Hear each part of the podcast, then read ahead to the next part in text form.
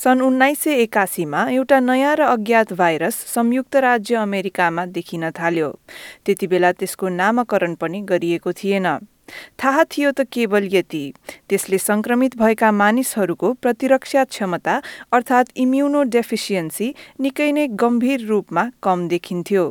पछि यसको नाम रहन गयो एड्स अक्वायर्ड इम्युनोडेफिसियन्सी सिन्ड्रोम उक्त भाइरसलाई समुदायमा फैलन कति पनि समय लागेन र यसले थुप्रैको ज्यान लिन थाल्यो। संक्रमण मात्र होइन त्यससँग आएको डर र घृणा पनि छिट्टै फैलिएको डाक्टर रोबर्ट ग्यालो सम्झन्छन्। There was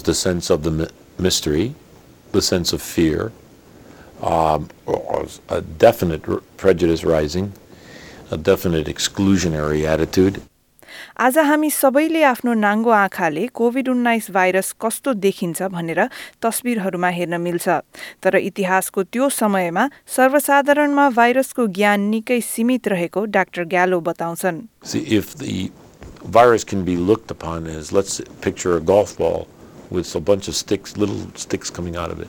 The little sticks are what we call the envelope. They have to interact with specific substances, molecules on the surface of the cell they infect. So if my fist is the cell, then each of my knuckles are different molecules on the surface of the cell. Those sticks on the, on the virus have to find one particular one and actually have to find a second one in time. It's a complex process of how HIV gets into the cell.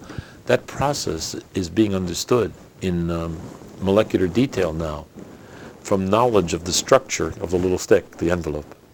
सुरुवातमा थुप्रै बिरामीहरूमा क्यापोसिस sarcoma भनिने एक प्रकारको cancer देखिन थाल्यो जसले छालामा घाउहरू बनाउँदछ। यसलाई प्रारम्भिक चरणहरूमा समलिङ्गी व्यक्तिहरूप्रति घृणा जनाउँदै गे क्यान्सर पनि भनिन्थ्यो। तर बिस्तारै अन्य मानिसहरूमा पनि त्यो क्यान्सर देखिन थालेपछि यो नामले बोलाउन कम भयो। ह्युमन इम्युनोडेफिसियन्सी भाइरस अर्थात् एचआइभीको आविष्कारका लागि सन् उन्नाइस सय त्रियासीमा फ्रान्सेली अन्वेषक फ्रान्सोइस बार्सिनोसी र ल्युक मोन्ट्याग्नियरलाई चिकित्साका लागि नोबल पुरस्कार दिइएको थियो। सन् उन्नाइस सय अस्सीमा एड्सको बारेमा जनचेतना फैलाउनका लागि बेलायती सरकारले टुम स्टोन भनिने टिभी विज्ञापन जारी गरेको थियो जसले दर्शकहरूमाझ निकै डर उत्पन्न गरेको थियो। There is now a danger that has become a threat to us all. It is a deadly disease and there is no known cure. The virus can be passed during sexual intercourse with an infected person. Anyone can get it, man or woman. So far it's been confined to small groups, but it's spreading. So protect yourself. And read this leaflet when it arrives. If you ignore AIDS, it could be the death of you. So don't die of ignorance.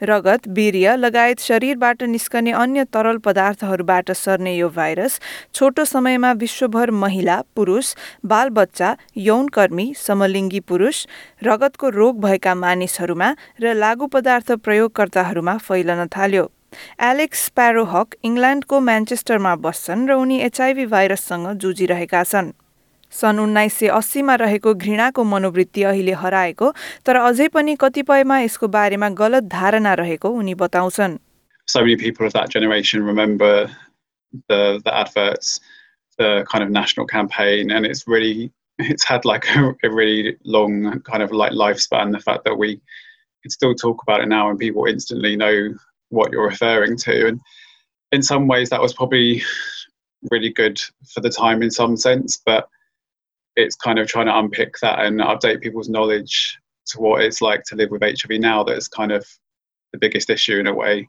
and addressing kind of those misconceptions that are still stuck in the 80s in a lot of ways.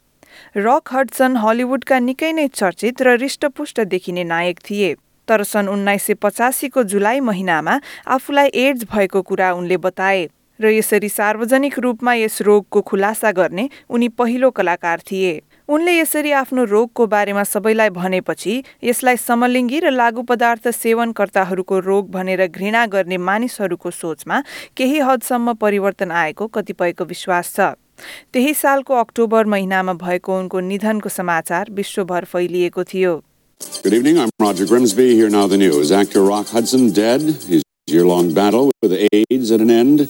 He was 59. Hudson died quietly in his sleep this morning at his home in Beverly Hills. He was found dead by members of his household staff. सन् उन्नाइस सय सतासीमा वेल्सकी राजकुमारी डायनाले AIDS संक्रमितहरू रहेको अस्पतालको भ्रमण गरेकी थिइन् र उनले एकजना बिरामीलाई छोएको तस्बिर पनि सार्वजनिक भएको थियो यसले पनि एड्सको विषयमा रहेको गलत धारणालाई तोड्न मद्दत पुर्यायो राजकुमारी डायनाले त्यस बेलाको राजकुमारी डायनाले त्यसबेला गरेको एक भाषण आजको कोभिड उन्नाइस महामारीसँग पनि समय सान्दर्भिक छ AIDS is no respecter of colour, class, or creed, nor does it hold international boundaries in high regard. All too soon, we will all know someone with AIDS a brother, sister, mother, father, son, or daughter could be next. How will we treat them? With compassion and care, or fear and rejection? सन् उन्नाइस सय छयासीमा सङ्घीय अधिकारीहरूले एजेडटी नामक औषधिले काम गर्न सक्ने र हजारौं संक्रमितहरूलाई यो वितरण गरिने घोषणा गर्यो एचआईभी विरुद्ध तयार पारिएको यो पहिलो औषधि थियो उक्त औषधि प्रभावकारी भने भएन तर त्यसको मद्दतले एचआईभी ट्युबरकुलोसिस र अन्य रोगहरूका केही उपचार भने विकास भए अहिले वर्तमान समयका आधुनिक उपचार विधिहरूले भने एचआईभीसँग जुझिरहेका मानिसहरूलाई स्वास्थ्य जीवन जिउन सहयोग गर्ने एलेक्स प्यारोहक बताउँछन् I'm lucky that I've been taking medication that had kind of like was at a stage where it was like well developed, um, well researched. Whereas people who've been living longer term with HIV um, often experience different issues. Um, kind of the early medication um, wasn't as kind to people, created a lot of like toxicity issues um, and problems. So, whilst people like myself um, are living well, there there is a, a, group of people with HIV who are mostly were the ones who were diagnosed in the 80s and early 90s who potentially don't have as good a health. And I think it's important that we acknowledge that and that we continue to provide the support that they need as well. यो जस्तै अन्य प्रस्तुति सुन्न चाहनुहुन्छ? Apple podcast Google podcast स्पोटिफाईमा हामीलाई खोज्नुहोस् वा तपाईँले पोडकास्ट सुन्ने अन्य सेवामा।